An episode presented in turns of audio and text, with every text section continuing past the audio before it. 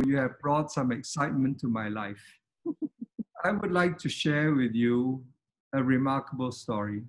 It's really a story about the vision of one man, and that one man is Sasha Lichine. Um, it seems rather strange that this company is so unconventional. It's a business that was started by a fella, Sasha, who's half French and half American, because his mother's American.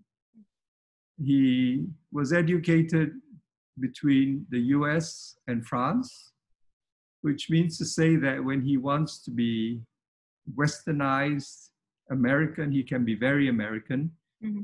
When he wants to be French, he can be very French. And he's got me, a Chinese from Singapore, representing him in Asia, China, Australia, and New Zealand. Mm. What is even more remarkable is that he has created a whole new category, which all the wine experts in the world said was doomed to failure. How can it be that you can make a serious wine out of rosé? How can it be a success, a French wine with an English name, Whispering Angel? But he had a vision. Sasha has had his share of failures, but he has great persistence. He doesn't give up. He saw an opportunity to do something because sadly, as a young man, his father died when he was quite young, when he was 29. He took over his father's property in Bordeaux, and he did not like the way business was done. He did not feel satisfied with where he was. He could have continued and been comfortable, but he wanted to make a name, he wanted to create a legacy. And so he tried various things, and today's story is not about those things that were not successful. But he looked first in Bordeaux, of course. Why not create a brand in Bordeaux? Well, he has said many times, it is almost impossible, certainly very, very difficult to create a brand that can compete with Mouton Cadet. Mouton Cadet is very successful, much to be admired. The other point about wines that are made in Bordeaux is that the vintage is inconsistent because, and that's why you have such a variation in the price of a Bordeaux wine. Because some years it's terrific, some years it's mm-hmm, so so, and some years it's terrible. How do you build a brand with inconsistent wines? So forget about Bordeaux. Burgundy is much the same thing with the added complication that Bordeaux estates are large, Burgundy estates are small.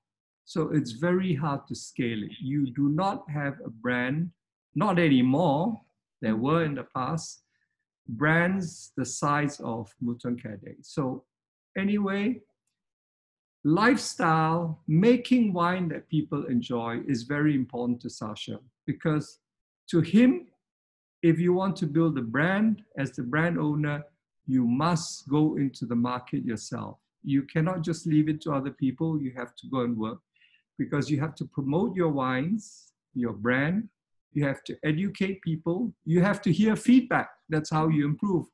And you have to sell wine so that the people who work with you, your distributors, restaurants, sell a successful wine. They make money, they're happy, you are happy.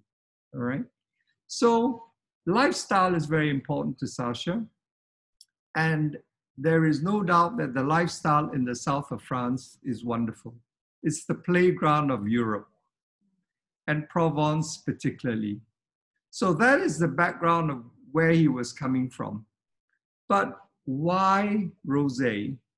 He remembers as a young man traveling around that area with his father, and they were enjoying the rosé that was made, but it was too sweet. You couldn't really enjoy it with a meal.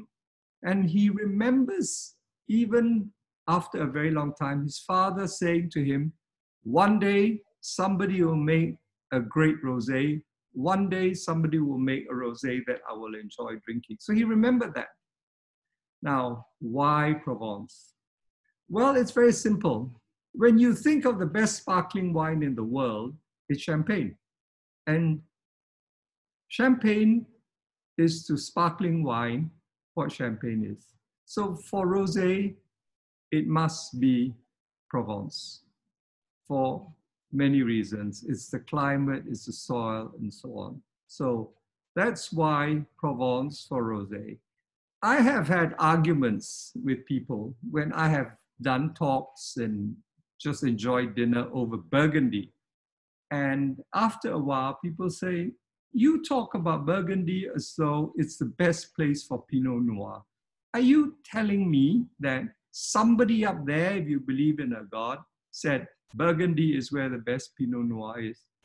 Well, it's not for me to say that. It's for wine lovers to decide that. But it so happens that it's a combination of the climate, the soil, suiting the grape variety, and of course, many hundreds of years of experience of making wine using Pinot Noir, the red, Chardonnay, the white. And so in Provence, it's much the same. They have the type of soil and the climate and the market for rosé. Now, coming to the property, what is special about Chateau d'Esclans? Most of the vineyards, most of the vineyards, of which there are 400, are near the coast. So near the sea, naturally, can we go to uh, slide number five, please? This one, yes. So most of the vineyards are near the coast. The problem with that is that the vineyards near the coast have very sandy soil and they make very light um, wines which are lacking in flavor and fullness in the mouth. Chateau d'Esclans is inland. Where is it? It's about 40 kilometers north of this famous um, playground of the rich and famous called Saint-Tropez. Saint-Tropez is to the right of the red area, and it is about 75 kilometers uh, northeast of Nice. So the nearest airport is Nice. So it's very special. And the other things that are special about Chateau d'Esclans is that the vineyards are on slopes. Now, why is that important? It's important because it, the vineyards get bathed with sunshine, which number one, prevents rotting of the grapes. And number two, after rain, it enables to be drained very well. Um, and that's an interesting point. Now, we make several different cuvées or levels of quality of wine. How do we achieve that? Number one, it's the age of the vines. Number two, it's where they grow. So the higher up the slope, the superior or the better the quality is.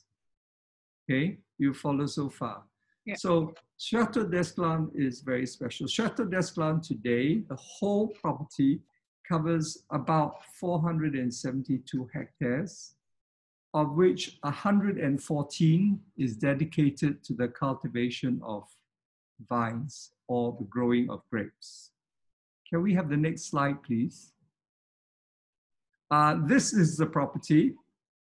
It was built, the origins was, the foundations are from the 12th century, but most of the building was built much more recently than that, um, just over 100 years ago and it is indeed very beautiful.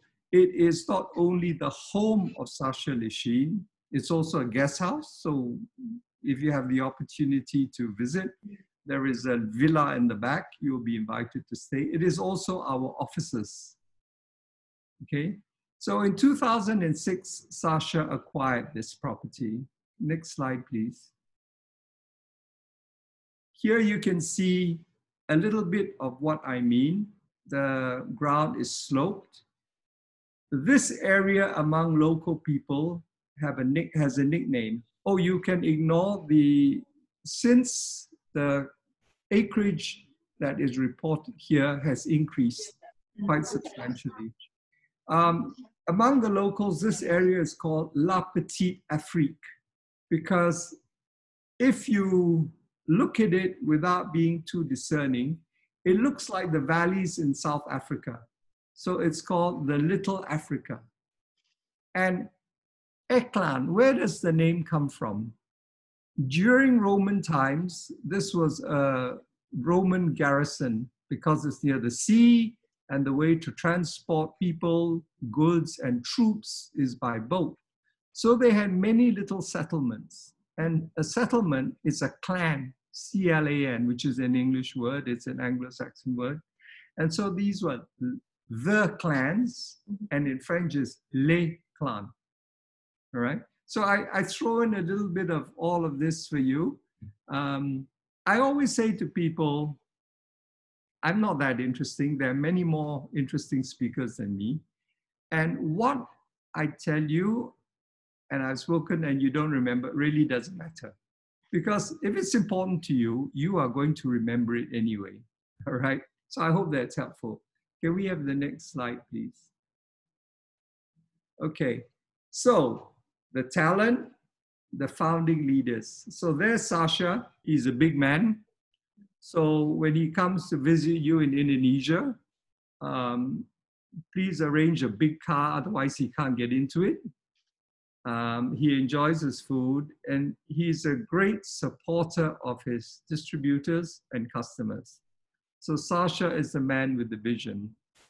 The fellow on the right is Patrick Leon and he is part of the equation. Sadly, he died in December 2018. I saw him the night before he died. So it's a very sad occasion for me. Now, what is special about Patrick? Patrick was for 25 years the managing director of Chateau Mouton Rothschild.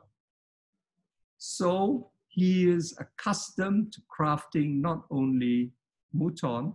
The unusual thing about Mouton and, is that it didn't have one chief winemaker. They had a winemaking team.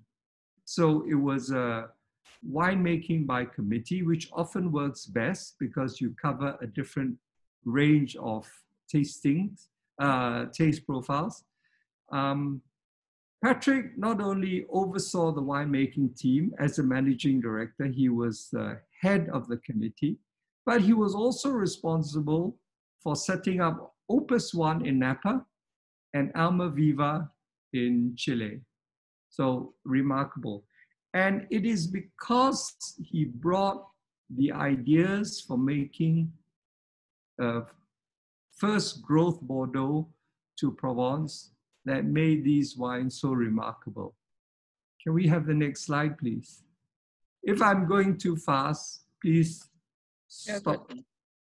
Um, I will pause for a moment. Now, all these are fine, but let me tell you something. So Sasha came into this with very high ambitions in 2006. In 2006, the total production was 135,000 bottles, which is very small. Today it's 8.5 million bottles. But that's also remarkable. In the space of 14 years to go from 135,000 bottles to 8.5 million is no easy achievement. But in the first two years, as Sasha himself often says and tells people, it was very difficult to convince people to sell wine. He would walk into a restaurant and say, I would like to have you taste my rosé. And they say, no, no, no, no, rosé doesn't sell. Nobody drinks rosé. Nobody wants it. But he was very persuasive. And this is where he, this is what he means by, as a brand owner, you must lead the charge. You must go and taste. And nearly every time somebody tasted it, they said, All right, send me a case. I'll put it on the list. And the success has grown. But it didn't happen overnight. And as you all know, in 2008, there was a terrible economic crisis when banks failed in America. So two years into the enterprise, and most people would have given up. The banks wanted their money back. Uh, but where did the money go? I will explain to you. And that also explains why the wines are of such exceptional quality. When people ask you, why is it so expensive? There's a reason, okay? Now, what do we grow at Chateau d'Esclans? We are different again. If you look at it, 70, 77% of the grape variety that is grown is Grenache because it is the backbone of all our wines. The minimum amount of Grenache in the blend is always 75%, sometimes more. The next biggest component is um. Rolle is the Provençal name for a popular Italian variety which you will know as Vermentino. So Rolle and Vermentino are the same. Now, what do they contribute? Grenache contributes red berry fruit, roundness, and surprisingly, a high degree of elegance. Rolle, on the other hand, brings with it the floral characteristics because it's a white, it's white light wine in that you drink it chilled. It's aromatic as Vermentino in, and it has lovely mouth-filling properties. Where we're very different is that if you look at it, we only have 3% Syrah. Very different from Domaine Ott or Miraval or anybody else like that. Why? Because going back to Sasha's objective and his brief to Patrick Leon, I want a wine that I can enjoy any time of the day and I want to enjoy with food, without food, with ice cream, with nuts, with beef. So the problem with Syrah is it gives rosé a very candied lollipop flavor. So don't throw it out. Reduce its importance, reduce its contribution to the blend. So that's an important distinction between us and our competitors. All right, next please. Now we get into winemaking. Temperature is very important because what we want to do is achieve freshness. So a lot of money has been spent on rebuilding or building new facilities. From the moment the grapes are received, the entire premises are air conditioned. And if you can imagine, in a place like France, electricity is very expensive, but there is no choice. If you want to make something of first class quality, you cannot compromise. So temperature throughout the facility is controlled. Next, please. Okay. Here, I will elaborate a bit further. The picking must stop by midday. Picking starts in the middle of the night, 3, 4 in the morning. Very often by mid-morning, like 9, 10 a.m., picking stops. And it must absolutely stop by midday. This is a decree from Sasha. Why? Because it gets too hot. Winters are cold, but not bitterly cold.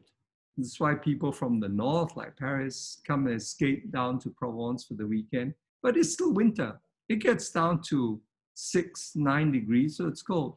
But summer can be hot. There are hot summer days when it's hotter than Bali, believe it or not. It can go up to 40. So that's when the swimsuits, the bikinis come out, people go to the beach and jump in the sea. Right? So picking is very strictly controlled. More than that, what isn't mentioned in this slide is that the bins that we put the grapes that are collected into hold no more than 10 kilos of grapes at a time. So one person can carry it. And if you think about it, very often you carry hand luggage onto a plane. Your bag is going to be eight to nine kilos. So 10 kilos is nothing. So that's another strict control. When you think, take into account, you think about it, you stop people from picking. You wait till the next day. You control the quantity that you pick and so on. There's going to be wastage. This is a cost, but it's a sacrifice worth it because you're going to get wine of very high quality. All right. Um, can we have the next one, please? This is a bit of innovation. Um, the piece of equipment that you see, that funny little looking computer screen, happens to be a very expensive piece of equipment. It is what is used in Bordeaux, mostly only by the first growth properties. What it does is, first of all, the grapes that come into the collection area is already sorted by hand. So the obviously rotten grapes are thrown aside. But each grape passes down a chute and it is examined in a millisecond by an optical eye.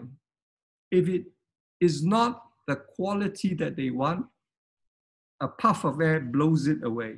So this is an optical sorter. This electronic piece of equipment is arguably the single most expensive piece of equipment um, at the vineyard. But and we're the first people, and I think we're probably still the only people who are crazy enough to employ such a machine. But again, if you want quality, you have to do it. So electronic sorter. Right, next one, please. What happens here? Freshness is retained by keeping the grapes that come in chilled and thereafter the whole process. So to keep them chilled, the grapes are passed through what is called a heat exchanger to keep the temperature at 78 degrees Celsius. Um, and what this also does is you don't want to have a wine that is overly colored. We don't want it bordering on red, so we want it pale. We don't want extraction because with extraction, you're going to take the tannins out of the skin, which is not desirable because you end up with bitter wine. So this is another important piece of equipment that we employ. The next, I think, is a presser. Um, the more skin contact you have, the more color you extract, and the more color you extract, the more tannin you also extract. And that is not desirable. So it goes into this horizontal piece of equipment, one with a red top, um, which is kept in a zero oxygen environment with the, with the use of nitrogen gas. It's um, sophisticated, it's new style, and it is something which is borrowed from not Bordeaux region, but the Champagne region, where they make some of the most luxurious and most expensive wines in the world. So where we had a Bordeaux technique with the optical sorter, we have a champagne technique for pressing. Um, and again, more and more people, as the whole category becomes more successful, are switching to equipment like this. But hey, we were the first to do it in 2006. Mm. All right. Next one, please. Fermentation. Why stainless steel tanks? Well, you don't want to have fermentation in wooden barrel for a wine that you want fresh and light. So they all start, whatever the level of the cuvee, they all start in stainless steel tanks, and then there's a deviation. For example, Whispering Angel, our best-selling wine, the leading wine, the leading rosé, Provence rosé around the world. It's only stainless steel. We do not age it in barrel. So the stainless steel tanks you can see there on the left side of the image. And on the right, they are 600 liter. Uh, the name of these type of barrels are demi-muid. Uh, it was found through experimentation that the um, more traditional barrels that you use in Bordeaux and Burgundy and Rhone, 225 liter barrels, mm. they impart too much wood. So what are we saying? Do you want wood or not want wood? The whole point about aging in a barrel is it provides a very good vessel, a very good receptacle for the assembly to take place of the different components of wine. The different components are different grape types, different age of vines, different parts of the property that they come from. So the different parts have different climatic exposure. So there are all these little barrels of wine which you have to assemble in the right proportion to get your magic formula. And then you have to put them in a place where they can rest and come together. And that's the main purpose of the barrel.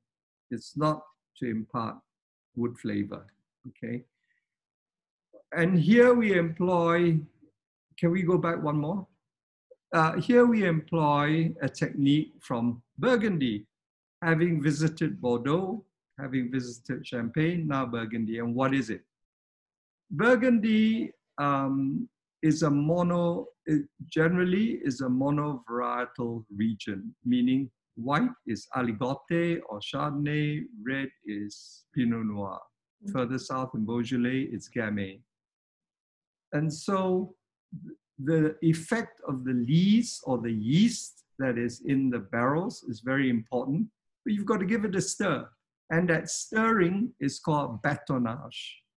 And this is the system, the technique that they employ to create the Grand Cru white burgundies. And so why not use it in the making of rosé? And that's what we've done. Mm. All right, we're ready for six. All right, blending. Oh, I've already touched on this. So mm. um, as I mentioned, we borrow a little bit from everywhere, from Bordeaux, but always best practices from Burgundy, from Champagne. And what is important, what is key, is recognizing the contribution each little parcel of wine provides. And that's what makes the final result, creates the final result. So what's important is the variety of grape. As you know, we grow Grenache, Rolle, Syrah, Cinsault, Tibouren, right? And then there are some vines which are five years old. The oldest that go into our Grand Cuvée, Garrus, they're 90 year old vines. So age plays a very important type uh, contribution. And as I keep saying, soil is important, elevation is important. We're fortunate enough to have all of these. Um, and then it's a question of balancing stainless steel uh, and wood barrel fermentation. After Mr. Leon died, his son took over as the head winemaker, but he had already, up to that point in time, been involved in the winemaking for eight years. So he did not come unprepared, inexperienced. So Bertrand is the gentleman with the red jersey on the left of that picture. The fellow in the middle, Jean-Claude, is actually Sasha's very first employee after he acquired Chateau d'Esclans, even before he engaged Monsieur Leon. And who is Jean-Claude? He's the estate manager. So he's from there, he's born there, he lives there, he works there, so he is literally from the soil. Nobody knows the estate better than him. So it's a wonderful team. And then the picture below is the tasting when they make the assembly or the blending. And as you can see, it's not easy. It takes uh, some talent and a lot of experience. Um, I haven't been invited to try, but I wouldn't dare because it's just too difficult and it would waste everybody else's time. All right. And by the way, that picture is the dining room in Chateau d'Esclans. All right, next please. And here is our little lineup. So what are these? Whispering Angel is what created the success of this enterprise. And Whispering Angel is the wine that put Provence on the map. It is amazing because it created a whole category. And now, when you go to any wine show in the world, every hall that you walk into, somebody is making a rosé. Maybe it's not from Provence, but somebody is making a rosé because it is so hot and fashionable. Will it run out of steam? Will it fall out of fashion? We don't think so because has champagne gone out of fashion? Has Chateau Margaux gone out of fashion? No. So underpinning our success and driving the success is Whispering Angel. What you can see is there are rosés for different levels, they are different styles. So literally, Whispering Angel starts at the bottom of the slope and with the youngest vines, and then you step up to Rock Angel.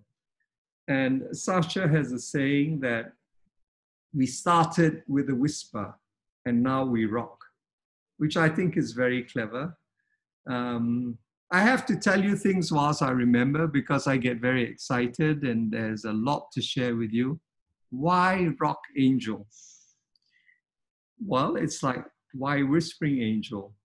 Whispering because Sacha wanted to find a name which could roll off your tongue and would be easy to remember. Mm. Within the chateau, there is a little private chapel because it was the home of a rich family. So they didn't go to church, the church came to them. So they had a little chapel. And in the chapel, over the entrance, is a fresco of two angels, exactly as you see on the label. So they, the, the name was taken from that whispering angel because Rock Angel moves up the quality level and moves up the slope, literally, the plot of land, the band of land where the grapes are taken from, uh, a little higher up the slope. It provides for a wine with more intensity, with more definition, and therefore more minerality if you call your wine mineral angel, it's somehow a little bit salah, yeah? So rock angel, because rock refers to, takes reference to the minerality. Uh, I won't talk about d'Esclans, uh, the one in the middle, Esclans yet, because it's a restaurant only wine. We have had criticisms from or helpful suggestions from sommeliers to say, we can't, much as Whispering Angel and Rock Angel are popular, we don't want to compete with supermarkets and grocery stores. So a wine was created and released last year, 2019, called d'Esclans, and it's a restaurant only wine. Then the top two wines are Les Clans, which are from 80 year old vines, and Garrus, which are from 90 year old vines. And as you can imagine, the quantity we produce of each of these two top cuvées is very small. So let me touch about marketing these wines, successfully selling them. It's important to try and taste where it's possible. It's important to try and taste all four of our um, foundation wines with the customer, not to sell them all. Yes, if we can. It's to taste Garrus, Les Clans, Rock Angel, and Whispering Angel, starting from the bottom. Because then the buyer or sommelier will be able to understand that you are able to achieve different quality levels. And then it comes to marketing We would like to position Whispering Angel and Rock Angel as wines to be offered by the glass. Just as you would have Moet and Chandon non-vintage as the pouring wine. But you've got Dom Perignon at the top. Dom Perignon is the big brother, big sister of Moet and Chandon. And so that's where Garrus and Les Clans comes in. It's the luxury cuvee. So when we say we understand luxury branding, luxury marketing, we really do. We put, we put our money where our mouth is by creating the range. Can we move to the next slide, please? So let's talk a little bit. Would you like to interrupt me with some questions or shall we save it to the end? I think we save it from the end to the Fine. end. Yeah. Okay. Now, um, Whispering Angel is the only one which is a bit of a rojak or gado gado, if you like. It's got a bit uh, in in about the proportions in which they're grown on the estate. I mentioned that the youngest vines are about five years old. There are some even younger ones because part of the process is to rejuvenate the vineyard. And you probably, you all are wine students, you probably know much more than me. Um, but replanting of a vineyard is an extremely expensive exercise. Not only is it over 25,000 euros for an acre, but also you have to wait five years before you're going to use what you harvest in your blend. So um, even with that, we're not tempted to hurry. We wait patiently for the vines to be at least 10 years old before the grapes are harvested to go into Whispering Angel. Um, I think what I look for with Whispering Angel is a, the pale color.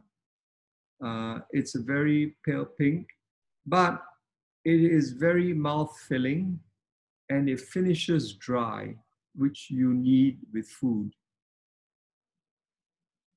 There is zero sugar added. It's fantastically concentrated.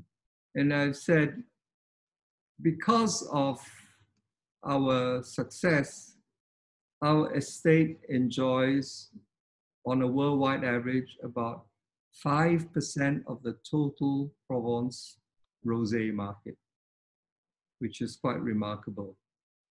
Um, we like to look at what is done well. And another remarkable success is Cloudy Bay in New Zealand.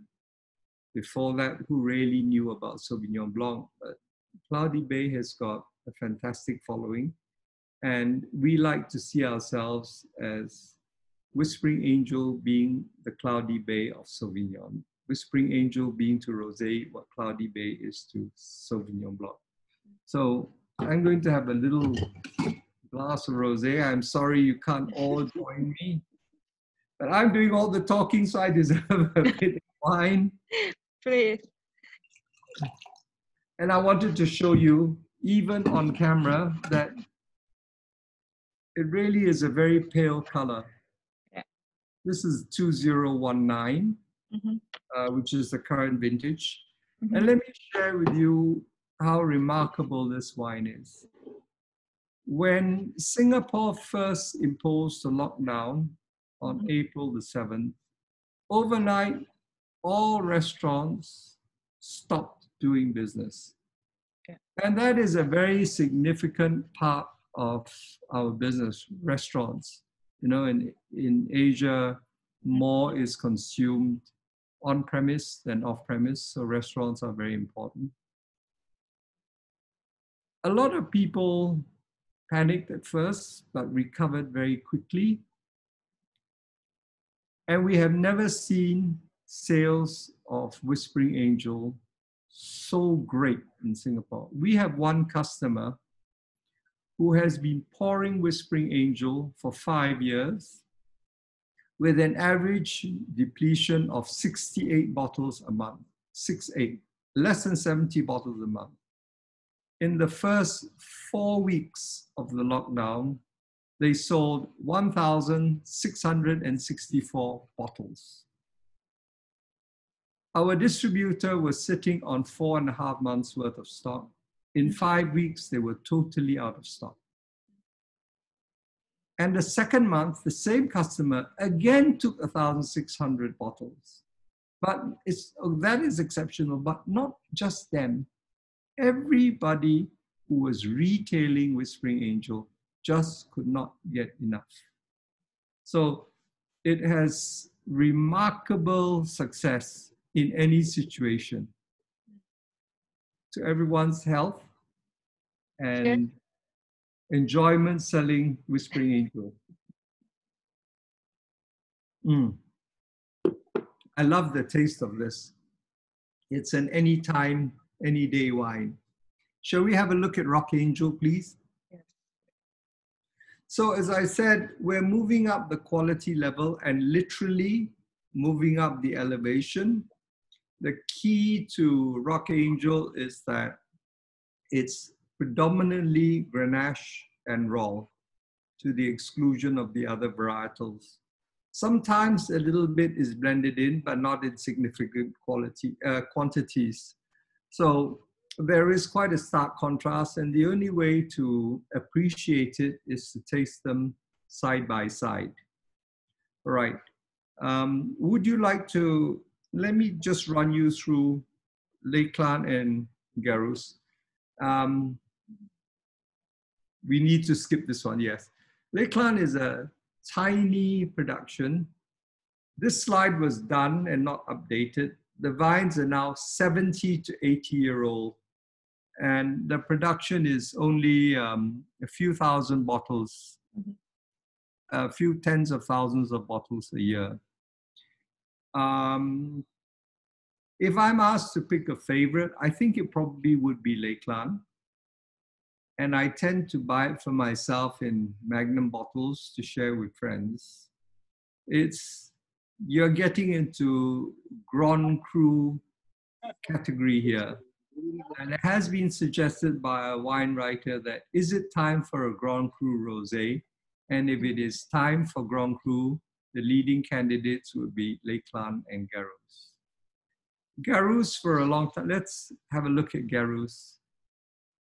If you look at it also, Garrus and Les have uh, custom design bottles. They're big, uh, they're rounder, the top is different. Another advantage we had not planned for was that in this age when there's a lot of imitation going around, because the production of Garrus and Les Clans is small and exclusive and the bottles are customized, it's very difficult to fake. So customers are reassured that what they buy is genuine. Um, and it's, I think, the right product for the right time because the appeal with the increase in wealth among consumers for something special is there, so there is a market for it. Um, and as I said, on a wine list, we wouldn't like this to be pouring and we wouldn't be able to provide sufficient volume anyway. But it's for that special occasion. It's one of the questions that I'm sure somebody will ask is what about ageability? Mhm. Well, Whispering Angel that has no barrel aging goes straight into bottle. And by the way, we bottle Whispering Angel four times a year. So December is the first bottling. Then around April, um, mid-year, July, and the last bottling is around October, which sees it through to the next vintage. Ageability is not a factor because we encourage people to consume Whispering Angel when it's young and fresh. Rock Angel is good for between a year to two years beyond its vintage. I have been tasting some 2011, so it's nine year old Les Clans and it's absolutely beautiful. But that it could be an exception, could be an exception the way it's been stored in my cellar. It could be an exception that 2011, nearly all of which is consumed, will not happen again. So we'd say at best, because this rosé meant to be enjoyed young and fresh, two to three years for Les Clans and Garrus. Okay, so I hope that's useful to you. Uh, maybe to get into the bit that would be of interesting uh, would be of interest to you, selling tips. Try uh, that. This you can share with everybody. Um, it's just to give you an idea, blowing our own trumpet, how successful we have been in the US market, which is our biggest and most important market. Um, we would like to suggest that you always try to present all four wines if it's possible. But even more important is that you must, if you are selling wine, if you're a sommelier, to convince a customer to try you need to taste with that customer. It's very, very key. And part of the message is that, hey, it's a great wine to drink. It's a rosé that pairs really well with food. And for all of you and your colleagues, can you think of a more fun wine to sell? Frankly, you can't fool around with a Corton Charlemagne. You can't fool around with uh, Chateau Haut-Brion. You know, when you're having a dinner, you should dress up, should have a tablecloth. You have to behave yourself. You cannot be a big gila. But there is no such rule for rosé. There is really no such rule for rosé. So it's that's what we mean by it's fun. And the more people realize that it's a wine that goes with salads, the classic Mediterranean diets. I very happily and very often have a steak with rosé. And it's also a no-brainer. So you open one wine, nearly everybody's going to enjoy it and it lasts throughout the meal. And, you know, it's a wine that you make money selling. So, why is that important? Because if you make your customer happy, it's very likely that your customer will order a second glass if it's by the glass, or if it's a little group, they will order a second bottle. And even more important, they'll come back to your establishment.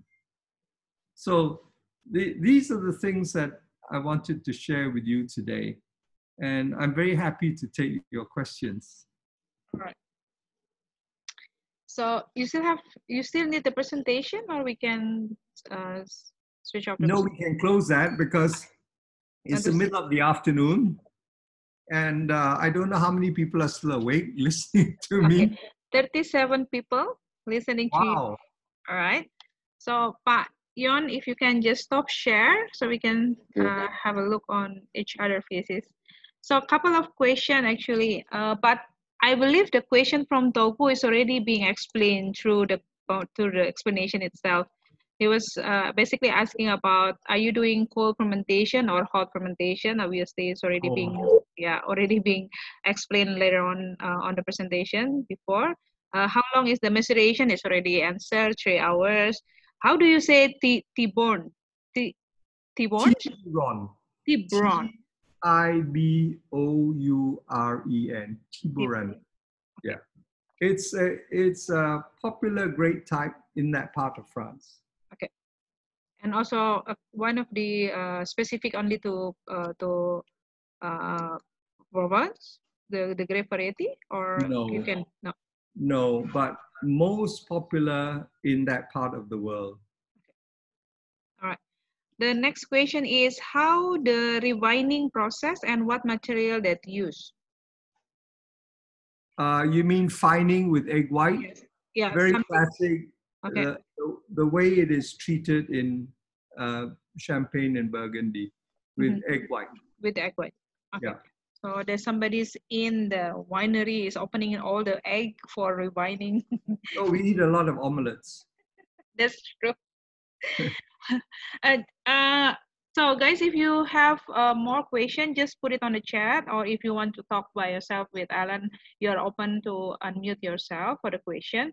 Uh, I would like to ask about the very curious about the sorted by optical eyes electronically, right? So I'm not really get the point when you are describe that. So the the the, the grape is already being sorted, hand sorted for all the rotten part, and then it's go to the tray and going to that machine. So that optical eyes is basically adjusted by the size, the sugar content, or how is actually work with the optical eyes electronically? Uh, the, the, bottom line is it is a test for ripeness. Okay. So, um, you know, sometimes they're a little bit big, sometimes they're a little bit small. That's not important. Oh, okay. Uh, maybe the skin is a little bit crinkly, maybe the skin's a bit taut. But what's important is ripeness because mm-hmm. what you do not want in even in a small percentage in the blend is underripe grapes. All right, so it have to be under the, yeah. the, the perfect ripe. The really rotten ones will have been sorted manually when they mm-hmm. come into the receiving area yeah by the people working at the table mm-hmm, mm-hmm. so that is when it's spot on i mean there's something that you know the grape is they found it is not the the the, the perfect uh, ripe. What is actually doing is they there's a powerful jet of air okay. Because the, the all this happens faster than the eye can see. Okay. So the grapes are literally falling down a tube. I see. There's an optical eye that has been set, it's been calibrated, and mm-hmm. if it doesn't meet the minimum requirement, mm-hmm. but as it falls a little bit further, a blast of air will blow that grape away. Oh, I'd love to see that. That will be something like very interesting to see, I guess. Yeah, it is. It's really, but right? you have to come. You have to come during the picking season. True. If you true. go in, if you go in January, everybody is away yeah. sitting by the fire. that's true. That's true. You said that they're during the harvest they're picking up in very small crate, which is only ten kilos. Ten kilo bins. Okay, the ten kilo bins, and I believe it processed right away on the uh, on the screening and etc. Right? Thank you for reminding me. Okay. So we try we try to adhere to uh, an objective of mm-hmm. having the grapes travel no more than 1.5 kilometers from where they're picked to the receiving area. Okay. To minimize the time that the, the grapes at the bottom get crushed. Okay. So meaning that, what about the vineyard who are a bit further than the, the, the, the winery location? The chateau or the estate bottle wines, mm-hmm. which is Garrus, mm-hmm. Les Clans, um, Esclans, mm-hmm. and half of the blend of Rock Angel, there's no problem because it's all within the estate. Yeah. Whereas uh, if we buy in the grapes, mm-hmm. we actually buy in the juice.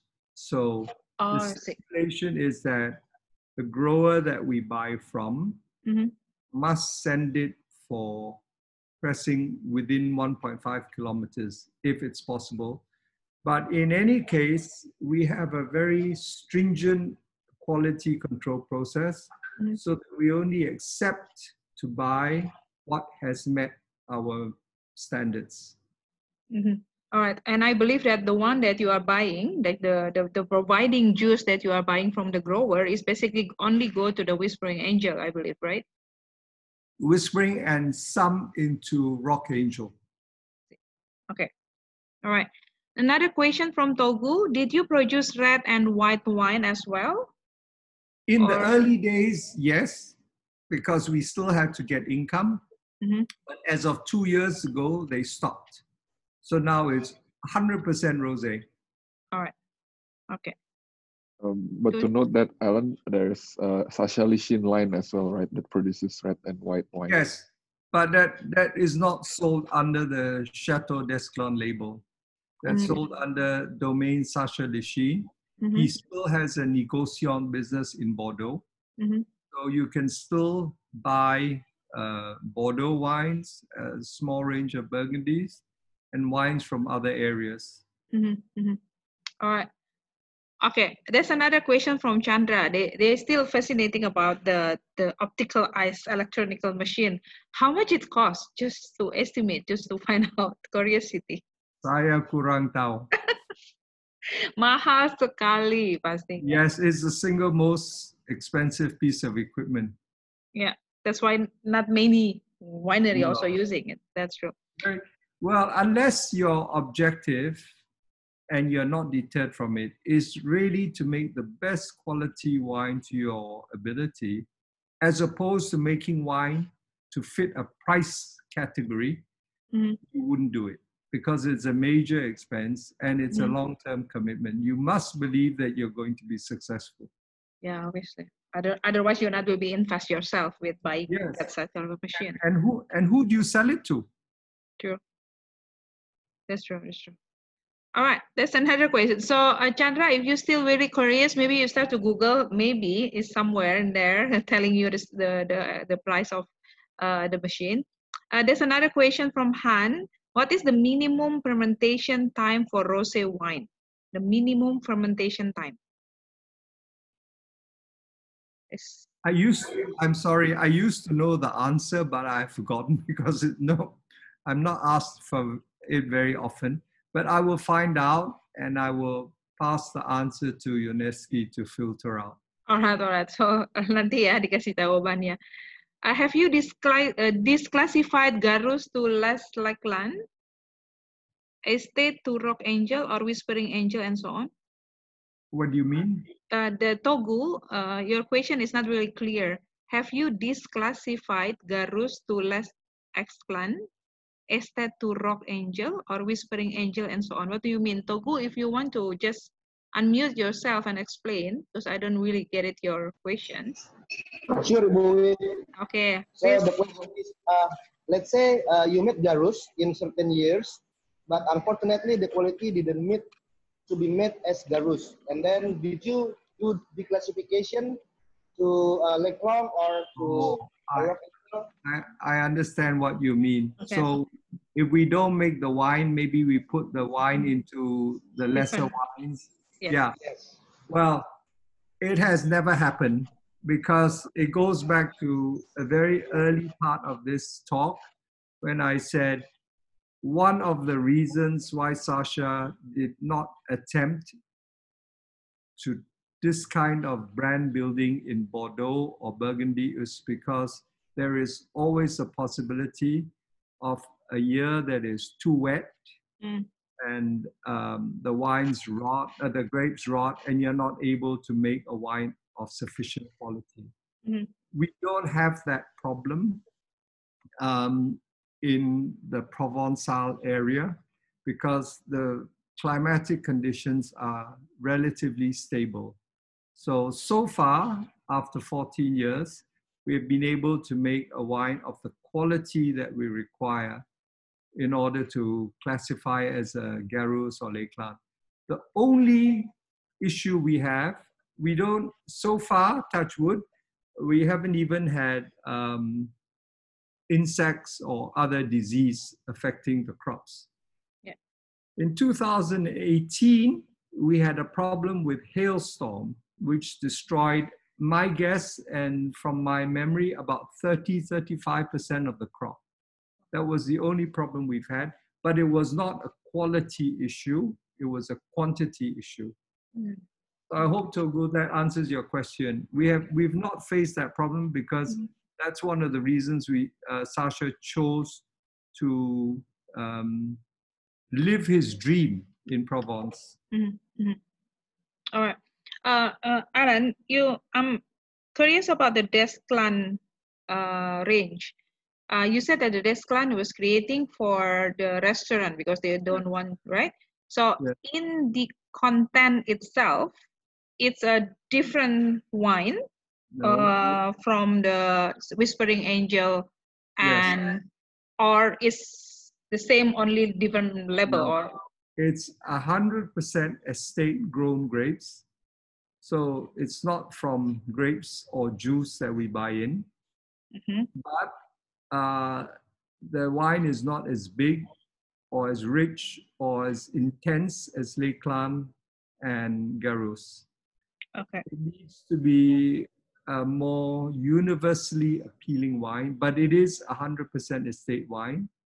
And it has been treated in these demi-muid, these 600 liter barrels, but not more than 10 months. 10 months is the limit for um, aging in a barrel. As as even though you're using a, a larger barrel, I believe that the the, the the flavor of the oak is still influenced to the wine. Are you using the you know like I, I believe you're not using the the new the new barrel for that No, production, right? No. At least it's at least one year old. One Uh, year. It, it is inevitable.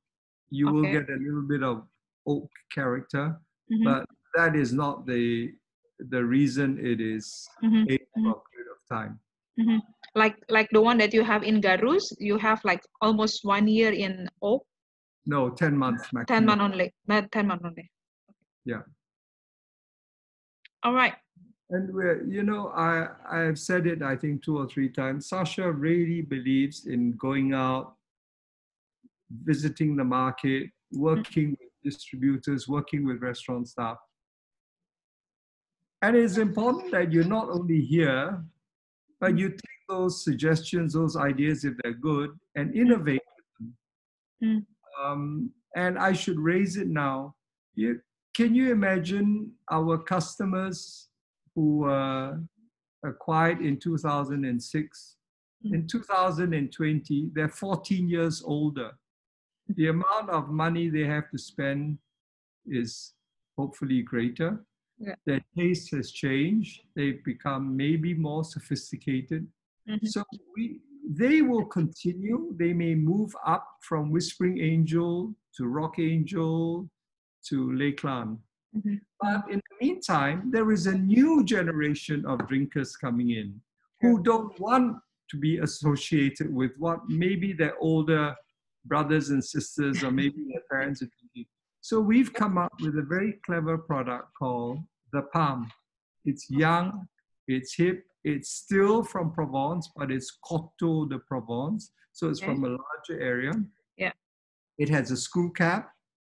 It has Mm. uh, pink livery, of course, palm trees, Mhm. and it's very tongue in cheek. So the ice bucket is a paint bucket. if you Google the palm by Whispering Angel, you see, Oh, oh, that's interesting. yeah. And UNESCO, have you got the cup? Do you have the cup?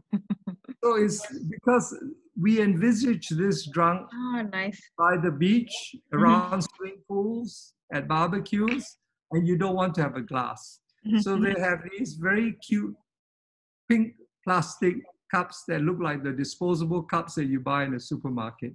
oh, nice. So Very th- these interesting. are the ideas. So we listen, you can see the cups there. They're really fun. hmm Um, and we promote it with a surfboard. We promote it with a camel. Uh, This is, and again, this goes back to what I was saying. You can do crazy things which are fun. Yeah, So long as the wine is serious and you give people value for the money, you can do things like this with the rosé that you simply cannot do with a lot of other wines. True. True. Like you said, from anytime, wine, Yes. anywhere. That's why. That's why for us um, who are involved in this business of Sacha, it's so much fun. True. True. All right. So, anybody have another question before we wrap up the session? It was very interesting. I mean, it's really uh, giving us the inside uh, information and understanding as well. I think uh, if nobody have another question, I will have one question last. Do you think like the? I mean, everybody is facing the uh, the climate change. Do you think that the province will be too hot at the same point at the some point, and will be changing the whole of the style of the wine, or you need to adjust or do something like that? I think that the effect for an area, not just d'Esclans, Mhm. The effect for an area like Provence is less because we have the influence of maritime, which means to say that the winters are not so severe, the summers are not so severe. Mhm. Um, it's affecting vineyards in Germany particularly badly Mm-mm. because um, for what is the most important grape for Germany? Riesling. Yeah. Riesling, to be elegant, needs a long ripening season. Mhm. But The ripening season has been shortened. So the wines lose a little bit of the elegance for which they were famous. Mm-mm. And where they could make an Eiswein nearly every year, maybe every other year, now it's five, seven years in between before they can make an Eiswein because the winters are simply not cold enough. Mhm. So the effect of climate change in those northerly vineyards and inland vineyards is very severe. Mhm. But we are near, near the sea, we're by the sea, the influence, and we're that much further south. So the influence of climate change is lessened. Yes, for sure. Mm. Um, it will affect us. Maybe the summers will get hotter, but we've got the sea breeze. And in and in winter, when the vines are hibernating, it's not going to have such an effect. Mm. All right. That's a very good question. We're All we are watching it. Mhm. Um, I, even before anybody asks, we are asked, um, what about biodynamic and organic? We try and practice sustainable cultivation. Yeah. So we are not biodynamic, but we use uh, chemicals only if it's absolutely necessary.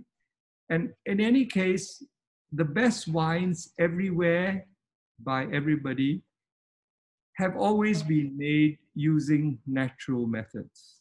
So the proponents of natural wine, it makes them sound as, oh, don't get me wrong, there's some very good natural wines, but Mhm. there's also a lot of rubbish out there.